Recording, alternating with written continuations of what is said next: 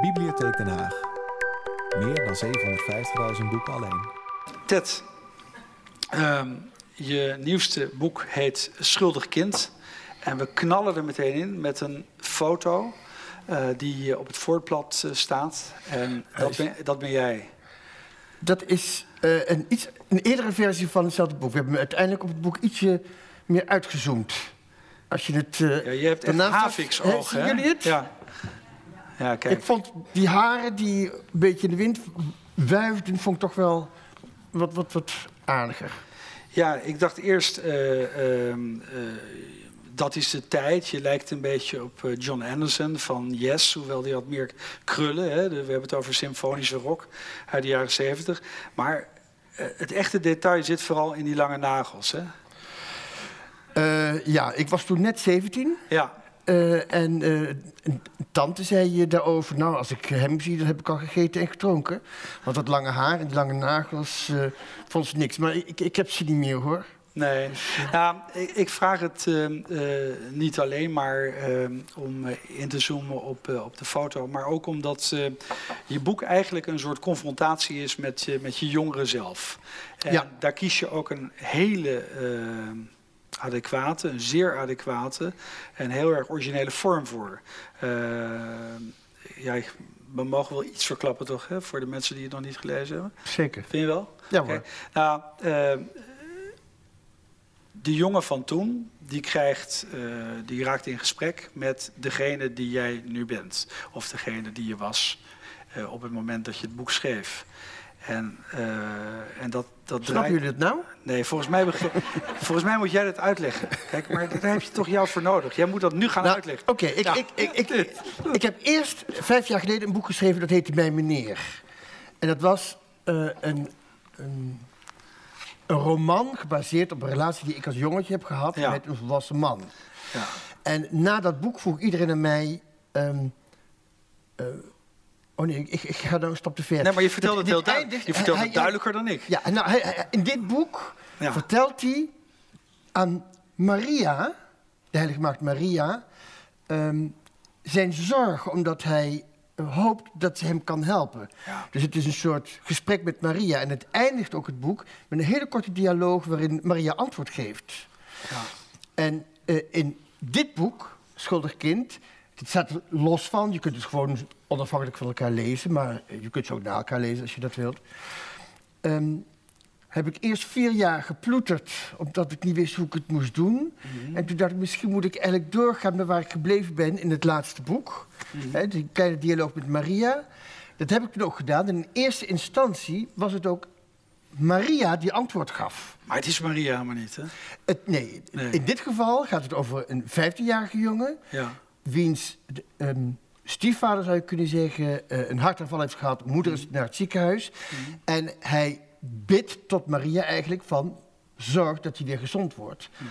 Want is dat niet het geval, dan blijf ik alleen achter met mijn moeder en dan kan ik straks niet naar Amsterdam, want dan blijft ze alleen er eentje achter. Mhm. Ja, die jongen die wil uitvliegen. Ja. Maar hij denkt, ja, als ze geen vriend heeft, uh, Mhm. of man, dan Maar moet hij blijven. En in de eerste versie was het ook zo dat dat, de eerste helft van het boek, dat dat Maria was. En dat Maria die antwoord gaf, behalve, ik zeg dat verkeerd, dat hij dat denkt. Mhm. En op een gegeven moment blijkt dat het niet de stem van Maria is die hoort, maar de stem van de 59-jarige Ted. En hij heet zelf ook Ted, alleen hij is toch 15 jaar. En op een gegeven moment bij een latere versie dacht hij, ik moet niet zo lang wachten. Laat ik maar meteen aan het begin vertellen dat diegene die antwoord geeft. Dat dat 59-jarige Ted is. Ja, maar die 59-jarige Ted... Is het niet duidelijk? Of nog, is het nog steeds een raadsel? Anders doen we het nog een keer. Maar die 59-jarige Ted... Het die, leest eh, heel makkelijk. Ja, maar volgens mij, ma- we maken het veel te moeilijk. Hè? Het leest als een trein. Ja. Maar goed, die 59-jarige Ted die is, aan, die is wel gebonden. Want het is een beetje als in een science we, Ja. als, we lijken wat in Muppets nu. Hè? We gaan dit gewoon helemaal zo vertellen. Maar goed, eh, eh, als in een science fiction verhaal van... Hij mag niet te veel informatie geven over hoe het leven van die jongen geleefd gaat worden. Want dan verandert dat leven. Hè? Dat Ja. is natuurlijk de, de veronderstelling. Ja, dat had ik ge- ge- afgekeken van Star Trek. Dus er komt een soort rare spanning. Eh, Er komt een soort rare spanning, want die jongen wil vragen. Die wil weten Ja. hoe het met zijn geliefde gaat. En eh, die wil zijn onzekerheden bevestigd zien, of juist weer onbevestigd zien. En de 59-jarige Ted die geeft dan toch wel wat meer antwoord op die ene vraag die hij dan zou beantwoorden. Hij, hij laat zich ook een beetje vermurwen.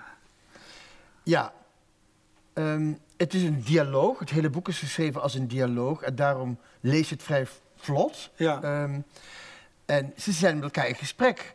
Alleen die oudere Ted weet natuurlijk wat die jongere Ted allemaal gedaan heeft. Dus die jonge Ted, als hij probeert te liegen... Ja, die oudere Ted weet Ja. dan... Nee, ik zag, je, dat- dat- ik, zag je net, ik zag je net hevig slikken toen je zei, ja, dat leest dan vlot. Want de gedachte in je hoofd was ongetwijfeld, ja, maar dat schreef niet zo lekker. En dat schreef Nee, niet zo helemaal vlot. niet. Want het was zware kost van die 59-jarige Ted. Die pakt die jongen hard aan. Die confronteert hem eigenlijk eh, op een manier zoals die jongen in die tijd niet geconfronteerd is. Met zijn gedrag en Nee. met de consequenties daarvan. Ja, ja, een strenge 59-jarige Ted. ja, maar ik ben het allebei zelf. Ja, dat weet ik. Het is een, een, dia- het is een dialoog. Je zou het een soort innerlijke dialoog eh, kunnen noemen. Eh, en ik heb toch wel uiteindelijk daarvoor gekozen, omdat ik anders bang was dat het zo'n zwaar verhaal zou worden. De aanleiding daarvoor was dat na dat eerste boek vroeg iedereen aan mij. ehm, goh, wat heeft die relatie die je met die man hebt gehad, wat heeft die nou voor invloed gehad op de rest van je leven? Ik zei, ja, dat weet ik niet, dat kan ik ook niet uitvinden volgens mij. Maar iedereen bleef dat hardnekkig vragen. Toen Het is toch wel een literaire uitdaging, of een kunstzinnige uitdaging, om eens te kijken of ik tot een antwoord kan komen. Maar de enige manier om tot een antwoord te komen is eigenlijk teruggaan in de tijd en die jongen aanspreken die die toen was. Ehm, nou heb ik het geluk in zekere zin dat ik al meer dan 30 jaar kinder- en jeugdboekenschrijver ben. Dus ik kan vrij goed me verplaatsen in iemand die jong is. Inclusief natuurlijk mezelf. Dus dat was de moeilijkheid niet. De moeilijkheid was dat die jeugd eigenlijk niet zo heel erg prettig was. En ik had eigenlijk helemaal geen zin om eh, te gaan zitten eh, schrijven over mijn eigen jeugd. Dus dacht, weet je wat, ik laat dat die 15-jarige Ted doen. Hè, dan hoef ik het zelf niet te doen. En dat, dat werkte. Dat Ja, werkte. want- en er kwam er ook lucht in, omdat ik streng kan zijn. Ja. Ik kan hem helpen, ik kan hem ook... Maar, eh, maar, maar als je zegt van de jeugd was niet te prettig, dan moeten we in ieder geval toch wel één glimpje tonen. En dat, ik, mag het denk ik wel zo samenvatten als die jonge Ted eh, zocht liefde, maar hij kreeg seks van mannen die alleen maar seks wilden. Ja. Daar kwam het op neer. Hè? daar ja. komt het op neer, ja. Ja, en het was niet de leukste seks. Hè? Het was deprimerende seks ook vaak. Ehm, Ja, dan kijk je weer een beetje twijfelend. nou ja, ik, ik, ik moet even, dit, dit is beschaafd gezelschap, dus ik kan niet zomaar alles zeggen. Doe gewoon of ze er niet zijn. Ja, dat. Is, dat is moeilijker, eh, want ik zie ze gewoon Gewoon zitten. een soort zwarte mas. Ja, dit. Wat zal ik nou eens zeggen? Ik weet het even. Wat Die, zal ik- nou, die, nou ja, die, die Surinaamse meneer met die hond, die was nog wel aardig. Maar maar die- die, Turkse meneer dus- die hem op het bed gooide. Ja, nou, ik zag er dus zo uit. Ja. En ik kwam, nadat ik was wezen babysitten op een avond, kwam ik, het, werd ik lastiggevallen door een hond. En daar zat een Surinaamse meneer aan vast. Ja. En die zei tegen mij, waar ga je naartoe, blonde schoonheid? Dus ik dacht, nou, dat is fijn dat iemand dat zegt. Toen had ik dus dat lange haar. En heel veel mensen die twijfelden, was ik nou een jongen of een meisje?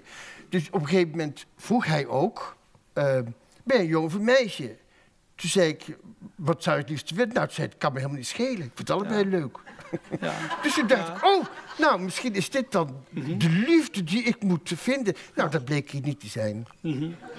Nee. Maar ja, er zijn, dit was dan nog wel, wel leuk. Maar er waren ook wel naardere dingen, zoals die dronkenlap... die echt dacht dat je een meisje was... en die heel erg boos werd toen die bleek dat je Ja. geen meisje Maar was. dat, nou, mensen snappen het nu Nee, die niet. je begrijpen het niet meer. Die, die- volgens mij snap je er nu helemaal niks meer van. En Ik zal het, Hoe ik gaan zal we het- dat oplossen? Ja, Kunnen we dit zal- nog oplossen? Ik zal er iets over vertellen. Ehm, heel in het kort. Ja. Na die relatie die ik had met die pedoseksuele man. En Het was een hele lieve man. Het was geen, eh, hij heeft mij niet voor de fietsscheuten verzerkt. Nee, hij heeft me heel voorkomend behandeld. Gaf me warmte, gaf me heel veel aandacht. Dus ik was eigenlijk ook wel heel erg charmeerd van hem. Alleen toen hij te ver ging, dacht ik, ja, maar dit kan echt niet. Dus toen ben ik weggegaan. Maar toen ik dat gedaan had, had ik daarvan spijt. Want ik had daarmee natuurlijk ook de, de man die mij warmte gaf, afgewezen in zekere zin. En dat was eigenlijk helemaal niet mijn bedoeling. Dus ik dacht, ja, ik kan nou niet meer terug, want ja, ik, ik heb al afscheid genomen. Ik moet op de een of andere manier een soort vervanging zien te vinden. Eh, en toen dacht ik, nou weet je wat, dan ga ik s'avonds uh, na het babysitten, ga ik nog even door de stad uh, fietsen of lopen. En dan kom ik vast wel iemand tegen. En ik dacht dan dat ik misschien daar wel liefde van kon krijgen. Maar ze wou wel altijd seks. Ja. En toen dacht ik, nou misschien moet ik er dan iets voor vragen. Dus ik heb op een gegeven moment een tientje gevraagd. Van, en dat kreeg ik ook. Dus ik dacht, ach, nou ja, als ik dan die liefde niet kan krijgen, dan moet ik misschien wat seks geven. En als ik daar dan wat geld voor krijg, dat is dan handig. Want op school werd ik gepest. Alleen ze pesten mij niet als ik snoep en frikandellen voor ze kocht. Maar- maar- nou, dus... Ja. Ik, op- ik had het gevoel dat ik op een heel eerlijke manier geld verdiende. Ja, en, nu, en, nu, en, nu, En daarvan- en nu zit de 15-jarige Ted naast me. Terwijl die 59-jarige, die pakt hem wel even hard aan erover. Hè? Omdat hij wil dat hij de waarheid zegt. Want Ja. die oude Ted, die wil antwoord op de vraag van... wat heeft die relatie nou voor invloed gehad op je leven? Ja. Ja, zegt die 15-jarige, dat weet ik natuurlijk ook niet. Ja. Het aardige is in zekere zin dat, dat er geen antwoord is. Je kunt één zo'n ding niet losweken van al het andere... En dan denken, oh ja, als je dat eruit haalt, dan is je leven helemaal perfect bijvoorbeeld. Nee, als je op een gegeven moment iets, een puzzelstukje uit je leven haalt, dan blijft je voort, voortaan incompleet. Dus al die puzzelstukjes samen maken je leven. En sommige dingen kun je dus nooit eh, met zekerheid achterhalen. En het boek is ook in zekere zin de zoektocht naar het antwoord en niet per se het antwoord zelf. Ja. Nu hebben we het eigenlijk over eh, het persoonlijke deel, het literaire deel. Maar met dit boek ben je ook in een maatschappelijk debat terechtgekomen. En dat heb je geweten ook. En, Ja, dat was met het vorige boek. jawel, maar dit boek heeft dan ook nog een non-fictiestuk aan het eind. Waarin je erop ingaat. We hebben ook nog een, eh meen ik, een klein fragment waar je hier. geheim houdt. Dat doe ik al meer dan 40 jaar. Dus als ik daar op in zou gaan, dan zou ik daarover iets kunnen prijsgeven. Dus ik, ik moet daar helaas vaag over blijven. Er is een verschil tussen het verhaal dat ik heb geschreven en het echte verhaal. Het echte verhaal heeft zich afgespeeld in Eindhoven, want daar ben ik opgegroeid. Maar om er een verhaal van te kunnen maken, heb ik het verplaatst naar een dorpje. Zodat. Dit was niet helemaal het juiste fragment, maar het Oh. fragment kwam erop neer dat je echt moet spreken over. eh, dan krijg je opeens door het onderwerp, zeker van het boek hiervoor, de vraag of je dat wenselijk vindt, eh, pedoseksualiteit, omdat je daar eh, genuanceerd antwoord op, op geeft. En, Ja, nou, ik ben heel duidelijk. Ik ben hartstikke tegen seks met kinderen. En vooral omdat kinderen niet kunnen inschatten wat het effect daarvan kan zijn. Maar volwassenen kunnen dat in zekere zin wel. Ehm, eh, maar ik heb wel mijn eigen verantwoordelijkheid in die zin dat ik ook wel gevoelens had voor, voor, eh, voor die man. Ehm, dus ik, ik houd zijn identiteit al heel erg lang geheim en heb er ook helemaal geen moeite mee om dat te doen. Ik neem hem ook eigenlijk niet zoveel kwalijk, behalve dan dat hij te ver ging. Maar als ik nou zijn naam noem, hè, dan is zijn leven voorbij. ja, maar tegelijkertijd. Net voor nodig. Ehm, las ik het in je boek, in eh, Schuldig Kind, wel zo dat bij een confrontatie eh, met die man van de oudere Ted, dat je hem wel ontmaskert. Want op dezelfde manier probeert hij een emotionele claim te leggen, wil hij een soort geheimhouding van jou ten opzichte van zijn vrouw die het niet mag weten. Dus in feite doet hij hetzelfde als wat hij op die jongere Ted. daarmee Dat vond ik ook wel een beetje slap. Van hem. Ja. Ja, nou, Ja. hij heeft mij in 1993 brieven geschreven Ja. waarin hij op vergeving vroeg. ja. En ik had wel in de gaten dat hij dat deed, omdat hij dacht, ja, die van Lisa schrijft zijn hele leven op, dadelijk ben ik aan de beurt. Hij was bang. Ja. En ik had geen reden om hem die vergeving niet te ge- geven. Dus dat, dat, dat, die heb ik hem ook eh, gegeven. Eh, maar een collega had wel tegen mij gezegd... eh, je moet aansturen op een ontmoeting... want je bent de schrijver en je moet toch ergens je materiaal vandaan halen. Dus investeer er maar in. Dat wilde ik eigenlijk niet... Maar heb dat toen toch gedaan in die, die brief. Alleen hij heeft nooit... Hij zei, ja, dat, dat- eh, nu is dat moeilijk, want mijn vrouw zus en zo. Maar als ik daarvoor klaar ben, dan zal ik je bellen. Dat heeft hij gewoon nooit gedaan. Dat vond ik natuurlijk ook wel een beetje slap. Ik ben hem een keer tegengekomen ergens... eh, waarin hij uh, enthousiast was van zijn vrouw... waardoor het niet mogelijk was om erover te praten. En Ik had er ook helemaal niet zo'n behoefte aan. Ik wilde hem eigenlijk ook helemaal niet meer zien. Het is nou een oude vent. En toen Ja. was het een jonge vent. Ja. Eh, maar ehm, eh, ik noemde net maatschappelijk debat. Eh, het heeft ook gevolgen gehad buiten de kaften van het boek. Buiten ook de veilige muren van het schrijverschap van jou. Je bent op een extreemrechtse site terechtgekomen. Nou, je beschrijft in het boek dat je enorme moeite doet om met diegene op te sporen die erachter zit. Ja. Want dat vond je niet zo prettig, dat je daar op een Nee. manier valselijk beschuldigd bent. Ja, hij, ik stond in een lijst met namen van min of meer bekende Nederlanders. Ja, En achter die namen, een aantal namen, stonden tekentjes. ja, Of je communist was, joods of pedofiel. ja, En achter mijn naam stond pedofiel. ja. Dus toen dacht ik, ja, wat zullen we nou krijgen? Ik ben ook kinderboekenschrijver. En als een kind ja. van, van elf Als hij een mij googelt moet en- maken. Hè, pedofiel? ja. Mijn lievelingsschrijver is pedofiel. Ja, dus ik ben onmiddellijk naar de politie gegaan. Ja. Die kon er niet zoveel mee doen. En in het boek staat er beschreven wat ik dan wel heb gedaan om eh, daar iets aan te doen. ja. Ehm, ja, dat vond ik heel erg vervelend, omdat dat buiten mij omgaat. Het is iemand die ik niet ken, Mhm. iemand die anoniem op het internet iets over je zegt. Mhm. Eh, je kunt je daar niet tegen verweren. En dat is het nare van internet in zekere zin. En toch moet je proberen om je daar tegen ja, Mhm. te weer te stellen. Ja. Ja. En het andere is dat je op een gegeven moment, dat schrijf je ook in het boek, krijg je een mevrouw eh, langs, een bekende eh pedojaagster. En dat gaf je ook een onbehagelijk gevoel dat ze zo bij je binnendrong.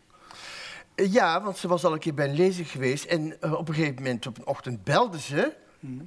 En toen zei ze, god, ik zou toch graag een keertje met je willen spreken. Ik zei, nou ja, oké, goed, dus dat kan wel. Wanneer zou je dat willen? Nou, nu, want ik sta voor de deur. Ja.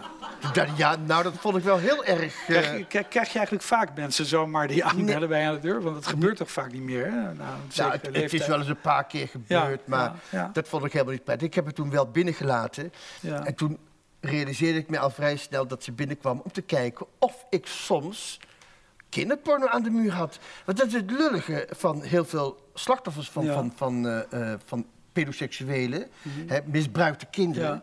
Dat men al gauw denkt, oh, nou ja, dan zullen ze zelf ook wel pedofiel worden. Ja, maar dan heb jij misschien wel. last Maar die dat, je krijgt dat, als- dat wordt misschien ook een beetje moeilijk om je dan vrij te pleiten. Want als kinderboekenschrijver zul je Ja. misschien tekeningen van dankbare kinderen aan de muur hebben. Dat En dan, is ook en dan een nog beetje- homo ook. Ja, ja, daar ga je. Ik heb, ik heb gewoon Ja. niet gebloft. Nee.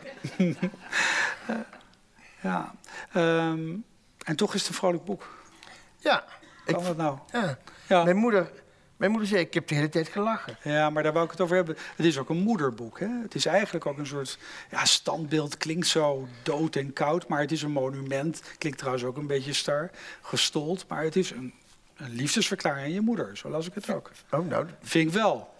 Ja, durf eens tegen te spreken. Nee, maar vind je er Eh, zelf van? Ik heb wel heel erg, met heel erg veel zorg haar rol beschreven in het verhaal. Ja, Eh, bij het vorige boek was ze bang dat eh, ze misschien een beetje platgewalst zou worden. Mhm. Hè, van, hoe heeft het, het lullige natuurlijk van, van een misbruikt kind is dat ouders ook slachtoffer zijn meteen. Mhm. En wel om eigenlijk twee redenen. Ehm, waarom heeft mijn kind mij niet in vertrouwen genomen? Hè, dan denk je, ik, je, toch- je kunt toch alles tegen mij zeggen en dit heb je niet gezegd. Het andere is dat ouders denken, waarom heb ik het niet gemerkt hè, dat het gaande was? En dat maakt het heel erg moeilijk voor ouders om hun, precies een houding te vinden als hun kind misbruikt is. Hè, want ze trekken zich dat natuurlijk aan. Maar in de huidige maatschappij wordt zo hysterisch gereageerd dat het voor bijna iedereen moeilijk is geworden om, eh, om bijvoorbeeld hardop te zeggen dat je misbruikt bent. Eh, want als je als kind bij je moeder komt en je zegt, nou, er heeft een man heeft aan mij gezeten, en je moeder wordt volslagen hysterisch, hè, wat men tegenwoordig wordt, ja. en die, dan denk je, oh, ze gaat naar de politie, de politie gaat mij overhoren en dan op verhoren. En dan komen ze achter dat ik ben meegegaan, terwijl iedereen had gezegd dat ik, dat ik, dat ik, dat je... Ik kom hier even niet helemaal goed uit, geloof ik. Water. Ja. Nou, nee. ehm,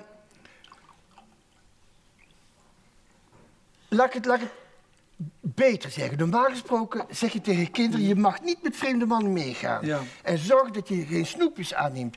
En ga niet door het park, hè, als het een beetje donker is. Iedereen gaat ervan uit dat kinderen van de fiets gerukt worden... de bosjes in, maar dit is helemaal niet zo. Op het moment dat je in de gaten hebt dat het een pedo is... ben je al meegegaan. Maar dan, heb je dan, dan moet je dan dus thuis tegen, als je, tegen je moeder zeggen... Van, ja, ik ben zelf meegegaan. Ja, maar ik had toch gezegd dat je dat niet mocht? Ja. Dan wordt het natuurlijk een ontzettend probleem. Ja. Dus het- hoe hysterischer wij worden, Ja. hoe moeilijker het is, ook voor kinderen zelf, om Ja. eh, op een gegeven moment met hun ouders te praten over zoiets. ja. Nou lijkt Nou, het me ook niet echt een lekkere boodschap om thuis te brengen Nee, natuurlijk. het- kijk, heel veel. Kijk, ik heb, ik heb het in zekere zin getroffen. Mijn pedo was een hartstikke lieve man. En hij Ja. heeft mij echt nooit kwaad gedaan. Hij ging alleen te ver en dat was ik gewoon niet aan toe. Natuurlijk is het zo dat er heel veel kinderen wel heel zwaar misbruikt worden. En ook echt pijn gedaan worden. En een trauma oplopen voor de rest van hun leven. En natuurlijk moet je daar iets aan doen. Maar wat ik kan doen, is vertellen wat mij is overkomen. En ik heb het vermogen en het talent gekregen om erover eh, te schrijven, of erover Mhm. te kunnen schrijven. Dus dat heb ik gedaan. Je moeder, daar wou ik het toch nog even over hebben. We hadden ook een hele mooie foto. Die, eh, Oh, die, ja. Kijk, die hè. Beroemde. Je moeder, die trouwens ook op jouw blog nog wel eens voorkomt. Hè, over hoe ze ondergoed koopt bij de HEMA. Daar heb je over geschreven. Voor jouw 400.000 eh, lezers daar. Toch, dat doe je toch gewoon even. Dat je, dat, je moeder, dat blijft toch een soort issue in je leven. Wat, waar ik erg mee heb getroffen, ze wordt dit jaar 85, is dat ze humor heeft. Nou, dat is wel duidelijk, hè? En eh, ze is natuurlijk nu een alleenstaande vrouw, want ze is voor de tweede keer eh, weduwe geworden. En ehm, eh, ze kan klagen, en dat doet ze ook heel graag. Maar ze doet het met humor en dan is het goed te pruimen. Ja. En dat heb ik ook geprobeerd in het boek, om die moeder heel veel humor mee te geven. Waardoor ook er een bepaalde lichte toets in het boek zit. Hoe reageerde ze op het boek?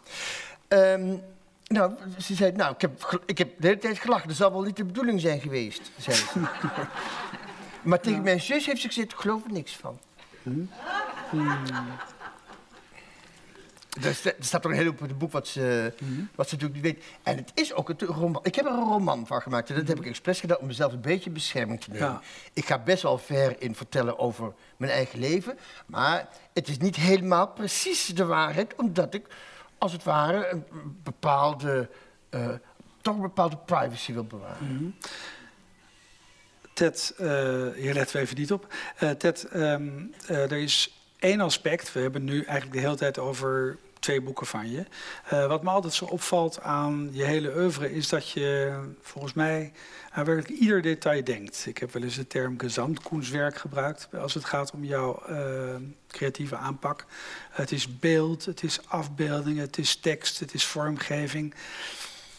Ja, met wat voor ogen kijk je als je zoiets maakt naar... eh, Ja, ik heb het geluk dat ik ook vo- vormgever ben. Ja. Dus ik kan de boeken zelf vormgeven, dus daar heb ik Ja. ook een grote stem in. Ehm, het is een beetje wel het, geluk in mijn leven. Dat is echt de, de bestemming die ik voor mezelf heb gevonden. Uh, Karen had het er eigenlijk ook al over. Noem, noem jij het dan schrijven of noem je het maken of scheppen? Wat, wat is het wat je doet? Schrijven, tekenen, eh, klungelen, knutselen, Alles, ja. plakken, knippen. Ja. Ja. Ik, tegenwoordig zeg ik wel eens dat ik ook beeldend kunstenaar ben, maar ik vind het moeilijk om dat zo te zeggen, omdat ik me niet echt helemaal manifesteer als beeldend kunstenaar. Maar ik ben het te wezen wel. Maar je hebt wel beeldgedichten. Ja. Ja, beeldgedichten maak ik bijvoorbeeld. Ehm, eh, ik dit zijn een aantal van die, van die Dit zijn sonnetten, maar dan geen woorden. Ze bestaan uit, eh, Kun, je er, voorwerpen. kun je er eens voorlezen? Nee, dat kan niet. Ja, oké. Maar, maar kun je... Kun je, het je- rode pepersonnet, ja, het eh, wilde tomaten het, eh, sonnet en het paprika sonnet. met een volta en een andere... Maar ze rijmen, hè? Als je kijkt naar de laatste rijtjes, dan zie je dat ze, dat ze rijmen.